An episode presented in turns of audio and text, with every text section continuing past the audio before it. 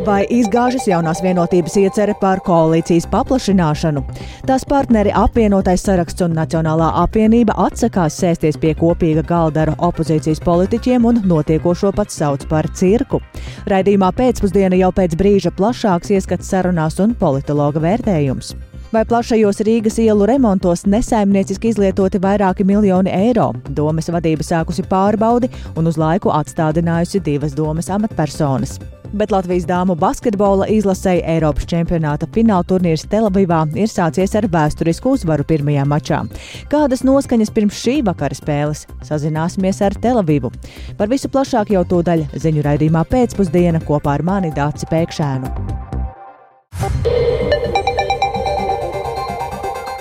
Pūkstens ir 4 un 5 minūtes, skanējuma sāk raidījums pēcpusdiena, un tajā plašāk skaidrosim šīs dienas 16. jūnija būtiskākos notikumus. Studijā Dāca Pēkšēna, esiet sveicināti! Joprojām ir maz skaidrības un nav vienprātības sarunās par iespējamu koalīcijas paplašināšanos. Šodien bija paredzēta visu valdības partiju, jaunās vienotības, Nacionālās apvienības un apvienotā saraksta tikšanās arī ar Zaļo un Zemnieku savienību un progresīvajiem. Jau rīta pusē apvienotais saraksts paziņoja, ka šajās sarunās nepiedalīsies, īsi pēc tam arī Nacionālā apvienība. Abas šīs partijas neatsaucās premjera Krišāņa Kariņam no jaunās vienotības aicinājumam sēsties pie vienas sarunu galda, norādot, ka vakardienas saimnes balsojums bija nepārprotams atbalsts tam, lai turpinātu strādāt šī valdība. Tā partijas arī sabiedrībai skaidri signalizējot, ka situācija valstī esot stabila. Valdības mājā šobrīd ir Zana Eniņa. Un ar viņu esam šajā brīdī sazinājušies. Sveika, Zāne, un saki, vai premjeras ir tādās pašās domās kā abi koalīcijas partneri, vai tomēr viņš uzstāja joprojām uz um, valdības koalīcijas paplašināšanu? Par visu pēc kārtas. Šodien notika koalīcijas partneru tikšanās pēc Nacionālās apvienības un apvienotā saraksta ierosinājuma. Premjerministrs Krišāns Kariņš no jaunās vienotības pēc šīs tikšanās uzreiz steidzās uz nākamo, proti uz tevis jau pieminēto piec, piecpusējo tikšanos ar ZZS un progresīvajiem. Un tā kā bija stipri nokavējies, nekādus komentārus viņš nesniedza. Toties Nacionālā apvienība un apvienotais saraksts bija runīgāki un apliecināja, ka nav pārdomājuši tikties ar opozīcijas partijām nedomājot, jo esot ļoti pārliecināti, ka jāturpina strādāt esošajai valdībai tādā sastāvā, kādā tā ir. Un uh, tam apstiprinājums esot uh, vakardienas balsojums saimā. Lūk, kā par to izteicās saimnes priekšsēdētājs Edvards Miltēns no apvienotā saraksta. Paklausīsimies. Vakardienas balsojums par šo te. Es faktiski teiktu tā, balsojums, kas pārapstiprināja vēlreiz šo valdību. Ar trīs frakciju teiksim, spēku veidoto valdību vakardienas saima pārapstiprināja šīs valdības darbu. Ko šis balsojums parādīja? Tas parādīja to, ka opozīcijas partijas visas konsekventi mēģina destabilizēt politisko situāciju valstī, brīdī, kad tas ir absolūti nepieļaujami, valsts drošības, mūsu ekonomikas jautājumu dēļ. Tas parādīja vienlaikus arī to, ka šīs koalīcijas partneri skaidri, stingri turās pie noslēgtā līguma un vienošanās un solījuma Latvijas sabiedrībai strādāt. Līdzīgi izteicās arī Nacionālās apvienības deputāts Jānis Dombrava, ka vakardienas balsojums ir tikai spēcinājis e, šo valdību. Uz jautājumu, kā tad e, vērtēt to, ka pašlaik e, ministrs kabineta ēkā joprojām turpinās premjera Krišāņa Kariņa tikšanās ar um, opozīcijas partijām, Zaļo zemnieku savienību un progresīvajiem. Viņš teica, ka tas jau ir uh, politikas procesā diezgan normāli un ierasti, ka tiekas dažādi politiskie spēki, runā par dažādiem tematiem. Paklausīsimies, ko teica Jānis Dombrava. Attiecībā par jebkādām tikšanās ar jebkuru opozīcijas partiju Nu, jebkurš politiskais spēks to var darīt. Es arī pievienotos, ka saimā varbūt tas būtu pat uh, loģiskāk. Nu, grib kāds tikties ar Latviju pirmajā vietā, nu, vai iet tikties, ja grib kāds tikties stabilitāte vai tiekās. Jā, nu, bet tad, tad te jau ir runa par tādu uh, jautājumu pārunāšanu attiecībā uz vienu vai otru problēmu jautājumu. Savukārt jautājumos par valdības paplašināšanu tur mēs neredzam nekādas nu, plašākas sadarbības iespējas, ir tīpaši pēc vakardienas balsojuma. Jā, tātad nu, kaut arī uh, Nacionāla apvienība un apvienotais saraksts saka, ka viss kārtībā, tās ir tādas ikdienišķas uh, sarunas dažādu politisko spēku vidū. Kā zināms, iepriekš Krišjāns Kariņš ir aktīvi izteicies par to, ka vēlas paplašināt esošo koalīciju. Nase? Jā, nu, bet šīs sarunas, kā tu minēji, kā ikdienišķas, vai tomēr tas arī nu, nav tāds skaidrs signāls sabiedrībai, ka tikšanās ar opozīcijas partijām tomēr valdībā varētu notikt kādas izmaiņas un ka tā nav stabila? Nu, šo jautājumu arī mēs žurnālisti uzdevām Nacionālajā apvienībai un apvienotajam sarakstam. Un, atbildot uz jautājumu tieši vai varbūt pašreizējā brīdī Krišāns Kariņš ar abām opozīcijas partijām runā par jaunu koalīciju, viņš atbildēja, ka tas esot oksimorons. Un neviens jau nesot mazohists, lai tagad veidotu, runāt par kaut kādu valdības veidošanu ar partijām, kas vēl dienu iepriekš ir paudušas šai valdībai nu, skaidru noraidījumu. Un tas arī nesot eh, pieļaujams, ka tagad tiek, eh, notiek kaut kāda valdības šūpošana, jo valstī mm, situācija nav vienkārša, ir daudz darāmo darbu. Um, nesot ko kavēties, jāpilda uh, tautai dotie solījumi, jāpilda koalīcijas līgums, jāturpina strādāt. Jo, nu, tas nesot normāli, ka arī uh, daudzas ministrijas jau esot tādā kā nogaidošā pozīcijā, darbinieki sēžot uz koferiem, uh, jo to vien gaidot, kad nāks kāds uh, jauns ministrs, um, esot jāturpina strādāt. Tātad šajā brīdī valdības mājā turpinās uh, ZZS progresīvo un jaunās vienotības sarunas, vai ne? Es saprotu. Tieši tā gaidām kāds būs iznākums un gaidām, ko pēc Jā. šīm sarunām teiks šīs partijas. Paldies Zanai Eniņai par ziņām no valdības mājas un plašāku skaidrojumu un vērtējumu šī brīža situācijai. Vaicāsim Latvijas Universitātes sociālo zinātņu fakultātes profesoram, politologam Jurim Rozenvaldam. Labdien! Labdien! Dzirdējām tātad, ka divi koalīcijas partneri, apvienotais saraksts un Nacionālā apvienība ir pārliecināti, ka valdība var turpināt strādāt un nekāda koalīcijas paplašināšana nav nepieciešama. Un pat nav gatava arī par to diskutēt, kamēr jaunā vienotība to vēlas un um, šobrīd turpina arī apspriešanos. Kā jūs šo situāciju raksturotu? Eh, nu, manuprāt, eh, Nacionālās apvienības un apvienotā saraksta reakcija ir pilnīgi saprotama. Viņi negrib eh, tikt izstumti no valdības nekādā, nekādā veidā. Nu, gribās palikt pie varas, bet, manuprāt, tas galvenais jautājums pašreizējā situācijā ir jautājums par vienotību un vienotības pozīciju, vienotības rīcību. Jo nu, man liekas, aizvien vairāk kļūst skaidrs, ka vienotībai nav bijis skaidra plāna. Eh, tad, kad, prez, eh, kad eh, premjerministrs Kariņš uzreiz pēc prezidenta vēlēšanām nāca klajā ar uh, savu, savu ideju. Nu, katrā ziņā, ja bija plāns uh, veidot piecu partiju koalīciju, skaidrs, ka šīs plāns ir izgāzies. Tāpēc pašreizējā situācijā uh, vienotībai, jaunai vienotībai jāizvēlās starp uh, diviem variantiem. Nu, var teikt, starp, mēs varētu teikt tā, ka starp sliktu un vēl sliktāku. Ja?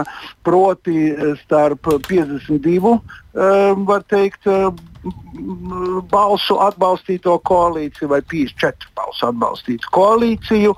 Nu, ja šajā situācijā ja meklē kādu racionālu teiksim, plānu, nu, ko mēs varam piedomāt klāt, jo mēs, protams, nezinām, kas notiek vienotības līderu galvās, Nu, tas vienīgais tā varētu būt cerība uz to, ka izstumti no valdošās koalīcijas, eh, apvienotais saraksts un Nacionāla apvienība, nu, varbūt tomēr ņemot vērā, ka pie varas gribās palikt. Nu, nu, kaut kāda cerības uz apvienotā sarakstu, varbūt tādu kādu cilvēku atšķelšanu vai kā citādi. Bet... Ja?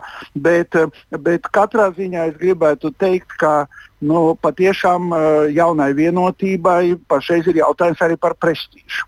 Jo, ja notiks atgriešanās pie 50, eh, eh, nu, pie pašreizējās koalīcijas, turpinot, ja, kaut arī skaidrs, ka šī koalīcija nedarbojas efektīvi, un Smiltēna kungam, kurš runājas par mm, stabilitāti, varētu piebilst, ka tā ir tāda stagnatīvā stabilitāte, jā, ka mēs redzam, ka netiek pildīti solījumi, netiek, var teikt, nenotiek virzība uz solīto ekonomisko izrāvienu. Manuprāt, atgriešanās pie vecās koalīcijas objektīvi nozīmētu, ka ļoti vienotība ļoti zaudēs no savu prestīžu un no tā, var teikt, varas apjoma, kas nonāca tās rokās pēc tam, kad uh, par prezidentu tika ievēlēts Edgars Rinkevičs. Bet tad jūs teiktu, ka drīzāk nu, šāds variants varētu neturpināties, un tad uh, tas otrais variants par jaunu koalīciju varētu būt reālāks, es tā saprotu? Es domāju, vēlreiz es gribu atkārtot to, ko es teicu par sliktu un vēl sliktāku. Skaidrs, ka 52 balsu koalīcija nu, nav tas labākais variants. Tas ļoti apgrūtina darbu, bet tai pašā laikā uh, pakļaušanās pēc būtības runāsim, kā ir uh, Nacionālās apvienības un apvienotā saraksta jaunam blokam. Ja, kas uh, vēl pirmoreiz parādījās tad, kad bija runa par progresīvo iekļaušanu valdībā, tagad viņi pēc būtības viņu šantažē. Uh, jauno vienotību. Es domāju, ka šajā ziņā uh, tas ir jautājums par, uh, par prestižu. Ja tu esi iesācis kaut ko, tad vajag turpināt. Ziniet, tā kā ar braukšanu ar divriteni. Kurš apstājās, tas krīt nost. Nu, bet cik ilgi šis, uh, šī mērošanās spēkiem varētu turpināties? Uh, oh, diezgan ilgi. Es domāju, ka katrā ziņā uh, Levita kunga uh, apgalvojums, um, ka viņš nu, nenominēs, nu, tas ir ļoti retorisks. Ja, tāpēc, ka visdrīzāk līdz tam, līdz viņa pilnvaru beigām uh, nenonāks, tas var turpināties ilgi, kā mēs redzējām arī uh, saistībā ar valdības veidošanu iepriekš. Tas ir diezgan ilgs process. Un šajā ziņā, protams, te paceļās vēl viens jautājums, manuprāt, par kuru, par kuru nu, tā, mazāk tiek runāts. Um, tā balsošana vakar, uz ko viss atsaucās, taču bija ierosinājums, bija uh, teikt, neusticības izteikšana pašam premjeram. Un šeit rodas, manuprāt, ļoti nopietns jautājums, cik efektīvs bija premjerministra valdības vadīšana un cik efektīvs viņš ir pašreiz. Jo redziet, tā epizode arī ar ūdens pienešanu uh, Uh, eh, Slēsera kungam nu, mazliet tā izskatās mazliet pēc farsa, un to var interpretēt savādāk. Nu, ja nesanāk kaut kur citur, tad vismaz ūdeni var pienest. Jā. Arī tā var interpretēt. Un es domāju, ka šajā gadījumā vienotībai droši vien būs nu, tomēr nestojas uz viņu zvērstiem, ka nu, nekas cits kā uh, Krišjāns Kariņš. Nu, iespējams, ka šie, šīs jautājums būs jārisina. Paldies, paldies par sarunu politologam Jurim Rozenvaldam. Turpināsim sekot līdzi šīm sarunām un kā attīstās šie scenāriji. Mēs turpinām ar to, ka plašie Rīgas ielu remonti ir sašūpojuši par tiem atbildīgo domas ierēģņu krēslus, un šodien uz pārbaudas laiku no amata ir atstādinātas divas Rīgas domas amatpersonas - Rīgas domas satiksmes departamenta vadītāja vietnieks Jānis Vaivots un satiksmes infrastruktūras pārvaldes priekšnieks Andrejs Urtāns. Par eh, kādiem pārkāpumiem tiek runāts un eh, vai tās eh, šīs personas atzīst savu vainu, tam šodien seko līdzi kolēģe Agnija Lazdiņa, kura ieradusies studijā ar plašāku skaidrojumu. Sveika, Agnija! Labdien! Jā, tātad balstoties uz trauksmes cēlēju ziņojumu par iespējamiem pārkāpumiem ceļu remontu organizēšanā uz disciplin disciplināru lietas izmeklēšanas laiku, kas ir viens mēnesis, šīs abas divas amatpersonas ir atstādinātas. Un Rīgas pilsētas izpildirektors Jānis Lange un Rīgas domas priekšsēdētājs Mārtiņš Staķis uzsvēra, ka trauksmes cēlēju ziņojumā fiksēti fakti un aprēķini par iespējamiem pārkāpumiem ceļu remontu organizēšanā. To būtība ir, ka satiksmes departamentā nav izveidota izveidota atbilstoša uzskaitas sistēma, kas ļautu pārliecināties par paveikto darbu apjomu un ieklāta asfalta daudzumu. Un, piemēram, tieši Jānim Vaivadam pārmet, ka viņš ceļu segumu atjaunošanu organizējis, izmantojot līgumus par ceļu ikdienas uzturēšanu, kas esot darbus sadārdzinājis. Un paklausīsimies, kā tad to skaidro Rīgas pilsētas izpildirektors Jānis Lange.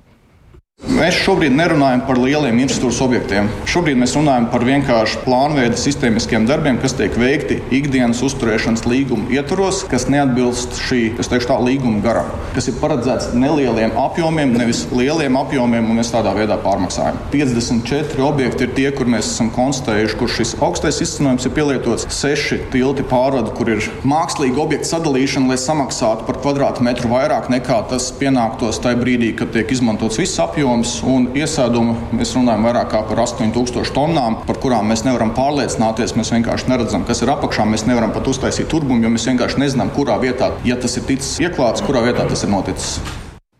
Gan Stāķis, gan Langa izteicās, ka iepazīstoties ar trauksmes ziņojumu, esot pārliecība, ka tur norādītā informācija varētu būt pareiza. Tiesa viņi nesot vērsus, vērsušies tiesības sargājošās institūcijās, taču šobrīd veic visas pārbaudas, lai pārliecinātos par šī ziņojuma patiesumu. Un zaudējumi esot mērāmi vairākos miljonos, taču precīzu summu domas vadība gan neatklāja, un šaubas esot par darbiem, kas veikti no 2021. gada septembra līdz pat šim brīdim. Māri. Jā, Agnē, vai tev arī izdevās sarunāties ar um, pašiem šiem atstādinātajiem? Jā, es uh, izdevās man sarunāties ar Jāni Vaivodu, kurš uzsver, ka izmantos visas likumā noteiktās tiesības un cīnīsies, jo neatzīst savu vainu un norāda, ka tā ir politiskā un personīgā izrēķināšanās pret viņu. Un kā vienu no iemesliem Vaivods nosauc faktu, ka viņš pretendēja uz jauno ārtelpas un mobilitātes departamenta vadītāju vietu, ko radīs pārveidojot par satiksmes departamentu. Un paklausīsimies, ko tad saka pats Vaivods. Māris Knoks, kas ir izpildu direktora padomnieks, ilgstoši ir veicis mobbingu pret mani kā iestādes vadītāju. Arī šajā gadījumā, saņemot trauksmes cēlāju ziņojumu, ir saņemti divi paskaidrojumi pieprasījumi. Abi pieprasījumi ir norādīts, ka paskaidrojumus ir jāsniedz divu dienu laikā, pieprasot milzīgu darba apjomu. Diemžēl bija spiests gatavot paskaidrojumus arī sēžot līdz pusdiviem naktī, apzinoties situāciju, kad uh, apvienoju arī divus amatus, vienlaicīgi esot gan direktora biroja vadītājs, gan gan direktora pienākumu izpildītājs, vienlaicīgi saņemot zemāku atalgojumu kā direktora pienākumu izpildītājs visā pašvaldībā no departamentu līmeņa. Mēģināju sazināties arī ar Andriju Urtānu, taču, diemžēl, tas neizdevās, un aprunājos arī ar Rīgas domas opozīcijas deputātu Juri Radzeviču no gods kalpot Rīgai. Viņš stāsta, ka šī situācija viņu nepār, nepārsteidz, jo viņa prāt šajā nozarē vadība esot diezgan neveiksmīga, un ņemot vērā, ka tojas dziesmu un deju svētki, un arī satiksmes komitejas pēdējo sēdi, kura bijis redzams, ka esot ļoti nozīmīgas problēmas tieši ceļu remontos, tad politiskā vadība savu neizdarību šobrīd mēģinot piesakt meklējot upurus.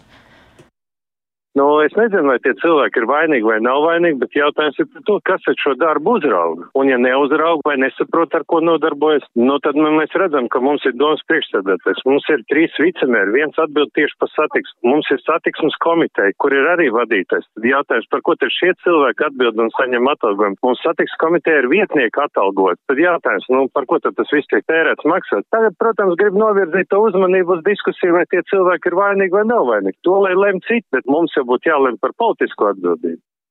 Savukārt Rīgas domas priekšsēdētāja vietnieks Vilnis Čirsis no jaunās vienotības, kura pāraudzībā tad ir Rīgas pilsētas satiksmes infra infrastruktūras un transporta jautājumi, uzsvēra, ka ņemot vērā Vaivada pausto par ilgstošo mobbingu no pilsētas izpildirektora padomnieka Māra Knoka puses, tad vicemērs plāno prasīt atstādināt Langi un Knoku no disciplināra lietas izmeklēšanas un lūgt to veikt neatkarīgai personai.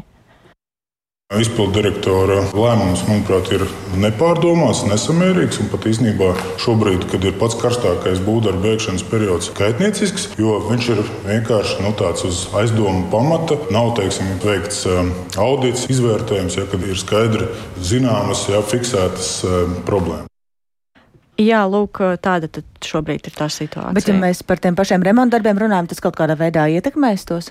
Runājot par remontdarbiem, tad, kā norādīja Lange, pārkāpumi atklāti tikai par tiem darbiem, kas saistīti ar asfalta klāšanu. Tas ir tehniski samērā vienkāršs pakalpojums un atklātie fakti neietekmēs virzību lielajiem projektiem, par kuriem veikti atsevišķi iepirkumi, kā piemēram Brasas tilts, Austrumu maģistrāli un citiem.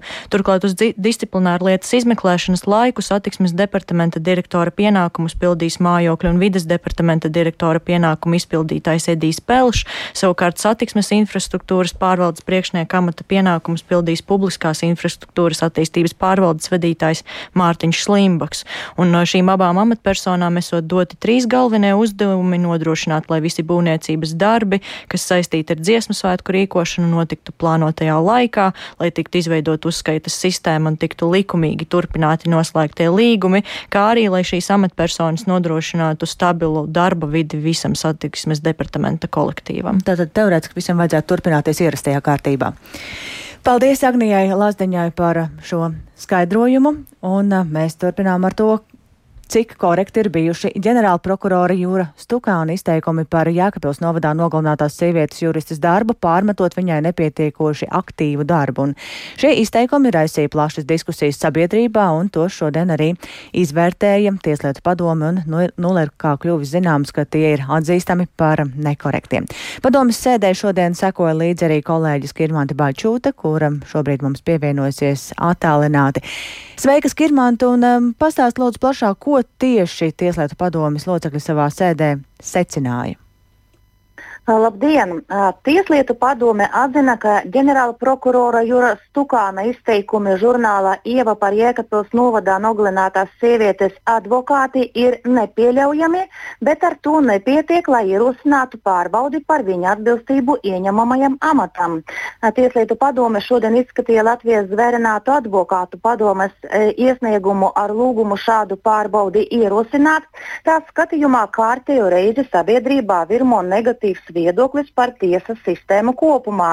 Ģenerāla prokurora Jūras Stukāna izteikumi esot apkaunojoši, kas dodot likumisku pamatu ierosināt eh, pārbaudi par viņa atbilstību amatam. Pats ģenerāla prokurors Juris Stukāns sēdē pateica, ka advokāti apzināti nepareizi interpretēja un sagrozīja viņa teikto intervijā. Viņš aicināja pārbaudi attiecībā uz viņu neierosināt.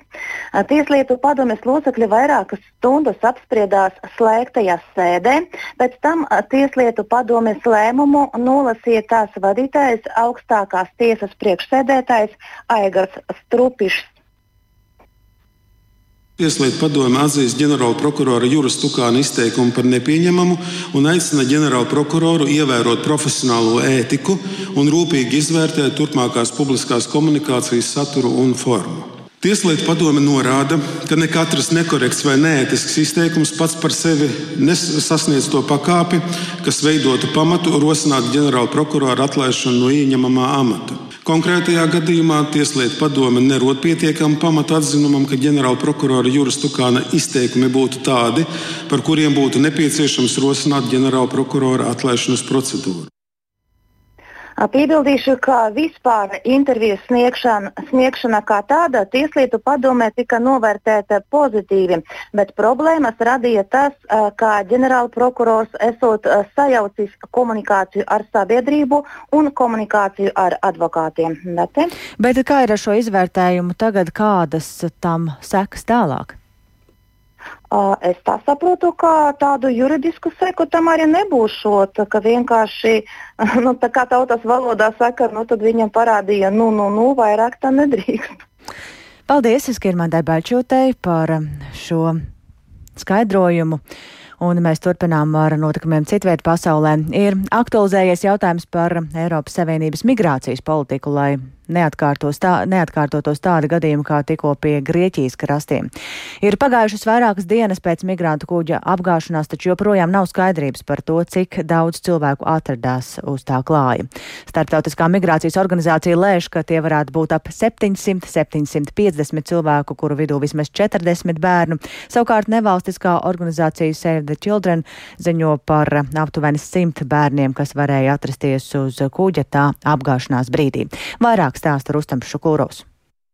Zvejas kuģis ar migrantiem pirms vairākām dienām devās ceļā no Ēģiptes uz Itāliju, pa ceļam piestājot pie Lībijas piekrastes. Vēlāk, turpinot ceļu līdz Itālijai un atrodoties aptuveni 90 km attālumā no Grieķijas dienvidrietumu piekrastes, kuģis nogrima. Grieķijas sabiedriskais medijs ERT tikmēr paziņojis, ka Grieķijas krasta apsardzes drons dienu pirms kuģa nogrimšanas fiksējis to netālu no Grieķijas krastiem. Krasta apsardze sazinājās ar kuģa apkalpi, taču apkalpes locekļi atteicās no piedāvātās palīdzības. Kuģis atradās starptautiskajos ūdeņos, tāpēc Grieķijas krasta apsardze glābšanas operāciju operāciju varēja sākt tikai pēc katastrofas. Kopumā izdevās izglābt 104 cilvēkus, bet oficiāli apstiprināta 79 cilvēku nāve, taču kopējais upuru skaits varētu būt daudzkārt lielāks. Grieķijas glābšanas iestādes nogādāja izglābtos cilvēkus ostas pilsētā Kalamatā. ANO bēgļu aģentūras pārstāve Grieķijā Erasmija Raumana sarunā ar Spānijas medijiem pavēstīja, ka tuvākajās dienās izglābtos cilvēkus pārvadīs uz Atēnu bēgļu uzņemšanas un identifikācijas iestādi.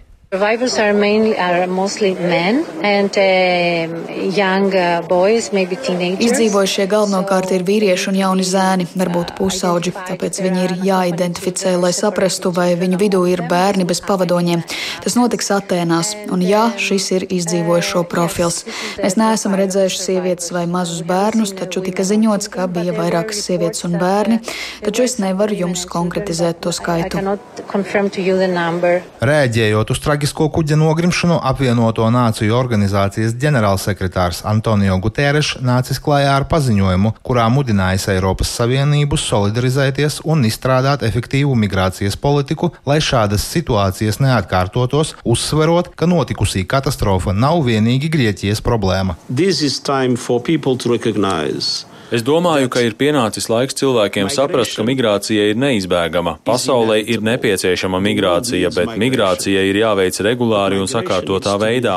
Un ja valstis neiestaistās sakārtotu un regulāru migrācijas apstākļu radīšanā, migranti kļūst par kontrabandistu un cilvēku tirgotāju upuriem, un sekas būs tikpat traģiskas and the consequences will be as tragic. Jāpiebilst, ka Grieķijas varas iestādēm jau nācies iesaistīties cīņā ar iespējamiem cilvēku kontrabandistiem saistībā ar notikušo kuģa nogrimšanu. Grieķijas krasta apsardze aizturējusi deviņus Eģiptes pilsoņus, kas tiek turēti aizdomās par migrantu transporta organizēšanu. Aizturētie Eģiptes pilsoņi tika izglābti kopā ar citiem katastrofā izdzīvojušiem cilvēkiem un šobrīd tiek apsūdzēti noziedzīgas organizācijas izveidošanā. Traģiskie notikumi netālu no Grieķijas krastiem izraisīja protestus Atēnās. Ceturtdienas vakarā pilsētas Sintagmas laukumā pulcējās vairāk nekā tūkstots cilvēku. Demonstranti, kas galvenokārt pārstāv kreisās pārne organizācijas, tostarp ar komunistisko partiju saistīto arotbiedrību PAME, protestēja pret Eiropas Savienības migrācijas politiku.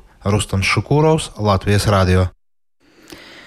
Ukrainas pretgājas aizsardzība ir notriekusi šodien 12 Krievijas raķetes, tā ziņo um, Ukrainas gaisa spēki. Un, um, Šodien Kīvā viesojas arī vairāki Āfrikas valstu līderi, lai panāktu mieru starp Ukrainu un Krieviju. Tikmēr Kīva cenšas arī nodrošināt tai papildu nepieciešamās militārās spējas, un pēc Ramšteinas grupas sanāksmes vairākas valstis paziņojuši par saviem lēmumiem šajā jautājumā. Plašāk stāsta Rihards Plūme. Jau 13. Rāmsteinas sanāksme, kurā pulcējās Ukrainas un Rietumvalstu aizsardzības amatpersonas, noslēgusies ar solījumiem par tālākām ieroču piegādēm Ukrainai. Zināms, ka Ukraina saņems vēl 14 tankus Leopard 2 un piegādes no Vācijas kompānijas Rheinmetall finansēs Dānija un Nīderlande. Valstis iegādāsies šos kaujas tankus, lai aizstātu iznīcināto aprīkojumu. Darījuma summa esot mērāma miljonos eiro. Tiek atzīmēts, ka Ukrainas bruņotie spēki pirmos tankus, ko šīs valstis iegādāsies, saņems nākamā gada janvārī. Tikmēr Spānija nodos Ukrainai 20 bruņu transportierus, papildus piegādās arī lauka hospitāli un četrus tankus Leopard 2, kas tikuši remontēti. Tāpat Ukraina saņems simtiem raķešu un ar tām saistītu sistēmu, lai stiprinātu pretgaisa aizsardzības spēkus. Tuva un vidēja darbības rādījusi raķetes Ukrainai piegādās Dānija, Nīderlanda, ASV un Lielbritānija. Joprojām turpinās arī sarunas saistībā ar iznīcinātājiem F-16. Ukrainas aizsardzības ministrs Oleksijas Rezņikovs pēc Ramšteinas sanāksmes paziņoja, ka ir saņēmis no sabiedrotajiem apņemšanos sākt Ukrainas pilotu mācības. Iepriekš izskanēja, ka apmācības jau notiekot, taču Ukrainas gaisa spēku pārstāvis Jurijs Ignats noliedza šādas ziņas. Viņš skaidroja, ka šobrīd runa esot tikai par vienošanos par pilotu mācību laiku un vietu, un process kopumā nesot viegls. Dānija ierosinājusi apmācības Ukrainas pilotiem organizācijām organizēt savā teritorijā. Kopīgi ar Nīderlandi izstrādātais plāns paredz Ukraiņu apmācību Dānijas gaisa spēku bāzē, kur atrodas iznīcinātāji F-16. Pentagona vadītājs Lloyds Austins piebildis, ka Ukrainas pilotu treniņu plāna sagatavošana ir progresējusi, tomēr līdz apmācību sākumam paies vēl zināms laiks. Paredzams, ka Ukrainas pilotu apmācības sāksies uzreiz pēc vasaras brīvlaika. Tiek lēsts, ka pilotu sagatavošana arī prasīs vismaz sešus mēnešus. Turpina Nīderlandes aizsardzības ministre Kaisa Olongrēna. We have to look at what capabilities do they already have, how is their English language. Mums jāskatās uz to, kādas ir ukraiņu pilotu spējas, kādas ir viņu angļu valodas zināšanas, kādā līmenī viņi ir. Bet jā, vasara ir mūsu mērķis un redzēsim, cik realistiski tas būs. Tā ir ļoti spēcīga ieroču sistēma, bet tā nebūs pieejama drīz, un prezidents Zelenskis to, protams, zina. Arī Dānijas aizsardzības ministra pienākumu izpildītājs Trojals Lunds Pols Olsens atzinis, ka vēl tāls ceļš ejams, lai šīs lidmašīnas varētu kļūt par Ukrainas gaisa spēku kaujas lidmašīnām. Tikmēr bijušais Minhenes drošības konferences priekšsēdētājs Wolfgangs Išingers ir pozitīvāk noskaņots. Es werden ukrainische Piloten, nach meinem Kenntnisstand, schon seit geraumer Zeit. Proti pēc viņa rīcībā esošās informācijas rietumu lidmašīnu nonākšana Ukrainā varētu būt vairāku nedēļu vai dažu mēnešu, nevis daudzu mēnešu jautājums. Rihards Plūme, Latvijas radio. Tik tālu par notikumiem Ukrainā, bet atgriežamies pašmājās un to, kāds atbalsts ir vajadzīgs mūsu pašu dienestiem. Turpinoties karstajiem un sausiem laikam šobrīd ļoti daudz darba ir ugunsdzēsējiem, taču valsts ugunsdzēsības un glābšanas dienesta resursi ir ierobežoti, tāpēc Nozīmīgs atbalsts ir brīvprātīgo ugunsdzēsēju kopienas. Taču Jēkabils novadā šai kustībai finansiāla atbalsta trūkst. Līdzīgas problēmas ir arī citviet, tādēļ valstī šobrīd strādā pie vienotas kārtības izstrādes brīvprātīgo ugunsdzēsēju darbībā, un plašāk par to stāsta Sandra Paigļkalne. Brīvprātīgie ugunsdzēsēji Jēkabils novada Ancenes ciemā strādā jau vairākus gadu desmitus. Viņu rīcībā ir gan ūdens sūkņi, apģērbs un ekipējums, gan ugunsdzēsības automašīna. Lai gan tas ir 70. gadu transporta līdzeklis, Ancenes brīvprātīgais ugunsdzēsējs Ainis Čāmāns uzsver, ka automašīna ir labā darba kārtībā un līdz šim nekad nav pievīlusi. Jebkurā dienas laikā esam gatavi izbraukt. Arī pašu brīvprātīgo Ancenē netrūkst. Vienīgā problēma - jau vairāk nekā gadu brīvprātīgie ugunsdzēsēji visas izmaksas sedz no savas kabatas, stāsta Ainis Čāmāns. Iepriekšējā Agnīstas novada pašvaldības laikā maksāja kaut kādu nelielu nu, algu, tā skaitījās, ja, par mašīnas uzturēšanu ar mērķi, lai viņa tehniski būtu jebkurā brīdī braucama. Un tagad sanāk ar 22. gada 1. janvāri naudas taupīšanas nolūkā vai kādā, nu, viss tika apgriezts un nav vairs naudas ne, ne, ne degvielai, ne kaut kādam aprīkojumam. Tāpat tās pārplīs kāda šļūtene, ja, nu, tagad uh, sanāk tā, ka pērkam par savu naudu. Šī situācijā, kad glābšanas dienas uh, Aknīste, kas mums ir tuvākā, divas dienas nedēļā nestrādā postenis. Ja, tad mums reāli sanāk no mūsu rajona skatoties novada tuvākais postenis viesīte Ēkipils. Tas ir stundas laiks ierašanās. Ja, un, nu, manuprāt, mašīna šī galā, nu, kas arī ir novada tālākais punkts būtu vitāli nepieciešama. Novadam sākt taupīt nu, uz drošību īsti pareizi nav. Ancenes brīvprātīgie ugunsdzēsēji gadu gaitā ir pierādījuši, ka spēj ierasties uz izsaukumu ātrāk nekā valsts glābēji. Pirms dažām nedēļām brīvprātīgie operatīvi nodzēsa liesmas kādas saimniecības šķūnī, tādā veidā paglābjot blakus esošo dzīvojamo māju.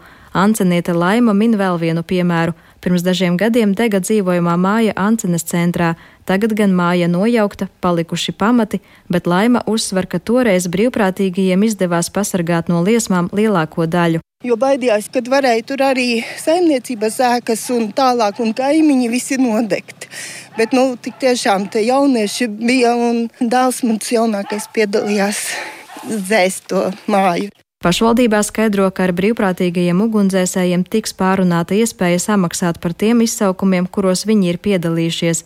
Savukārt par tehnikas un aprīkojuma uzlabošanu gan pagaidām nesot domāts, skaidro Jēkabils novada domas priekšsādātājs Raivis Ragainis no Latvijas zaļās partijas. Šobrīd tās mašīnas nav gājušas tehnisko. Protams, degvielu norakstīt uz tādu mašīnu mēs īsti nevaram, bet to var ar aktu norakstīt uz šo konkrēto gadījumu. Mēs kā pašvaldība šobrīd nelikvidējam to, kas ir, un jaunu neko netaisam. Tas ir valsts lauciņš šobrīd nodrošināt glābējus un nodrošināt uguns nelēmu novērsējus konkrētajā vietā. Valsts ugunsdzēsības un glābšanas dienestā apliecina, ka visā Latvijā ir jābūt vienotai kārtībai, kādā strādā un tiek finansiāli atbalstīti brīvprātīgie ugunsdzēsēji. Šobrīd dienestā tiek risināts šis jautājums stāsta valsts ugunsdzēsības un glābšanas dienesta operatīvās vadības pārvaldes priekšnieks Kristaps Kolbergs. Tiek apzinātas šīs te paaugstināta riska vietas Latvijā un kur tad mēs nosakam, kurās vietās vajadzētu būt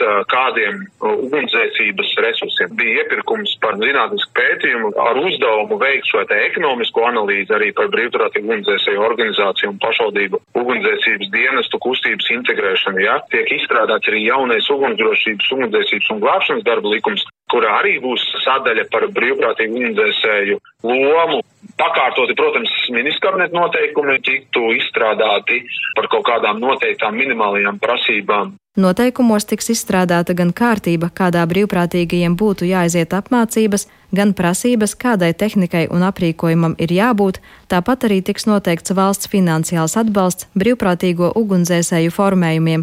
Tomēr valsts ugunsdzēsības un glābšanas dienestā uzsver, ka tas viss ir tikai izstrādes sākuma posmā. Tikmēr brīvprātīgajiem ugunsdzēsējiem Jēkabpils novadā jāpaļaujas uz saviem resursiem. Sandra Paigļkalne speciāli Latvijas radio Latgales studijai.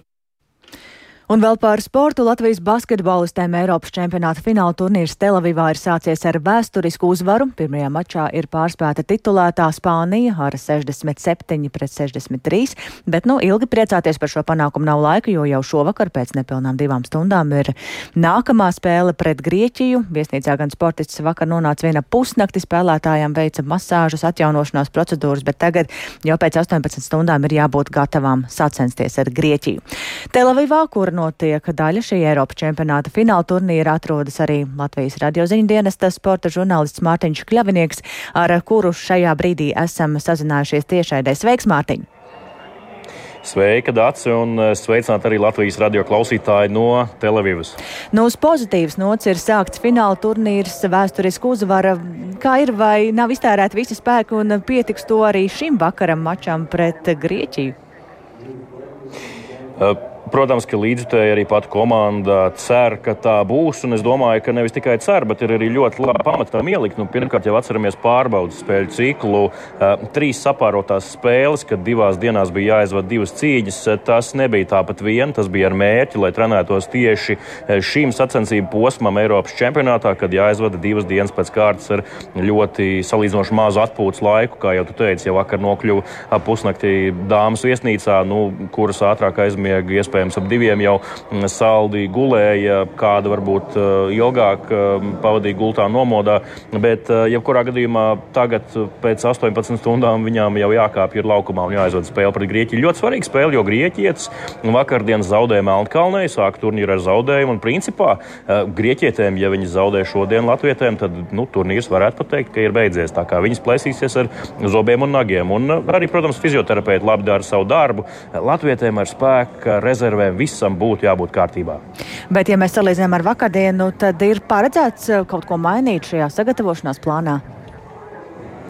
Jā, es eh, aprunājos vakardien ar um, Latvijas izlases galveno treneru Gundaru Vētru. Un, lai gan jā, ir šis patīkamais vēsturiskais nebijušais panākums Eiropas čempionātā pār Spānijas izlases uzvaru, Tomēr ne viss ir esot bijis tik um, izcili, perfekti.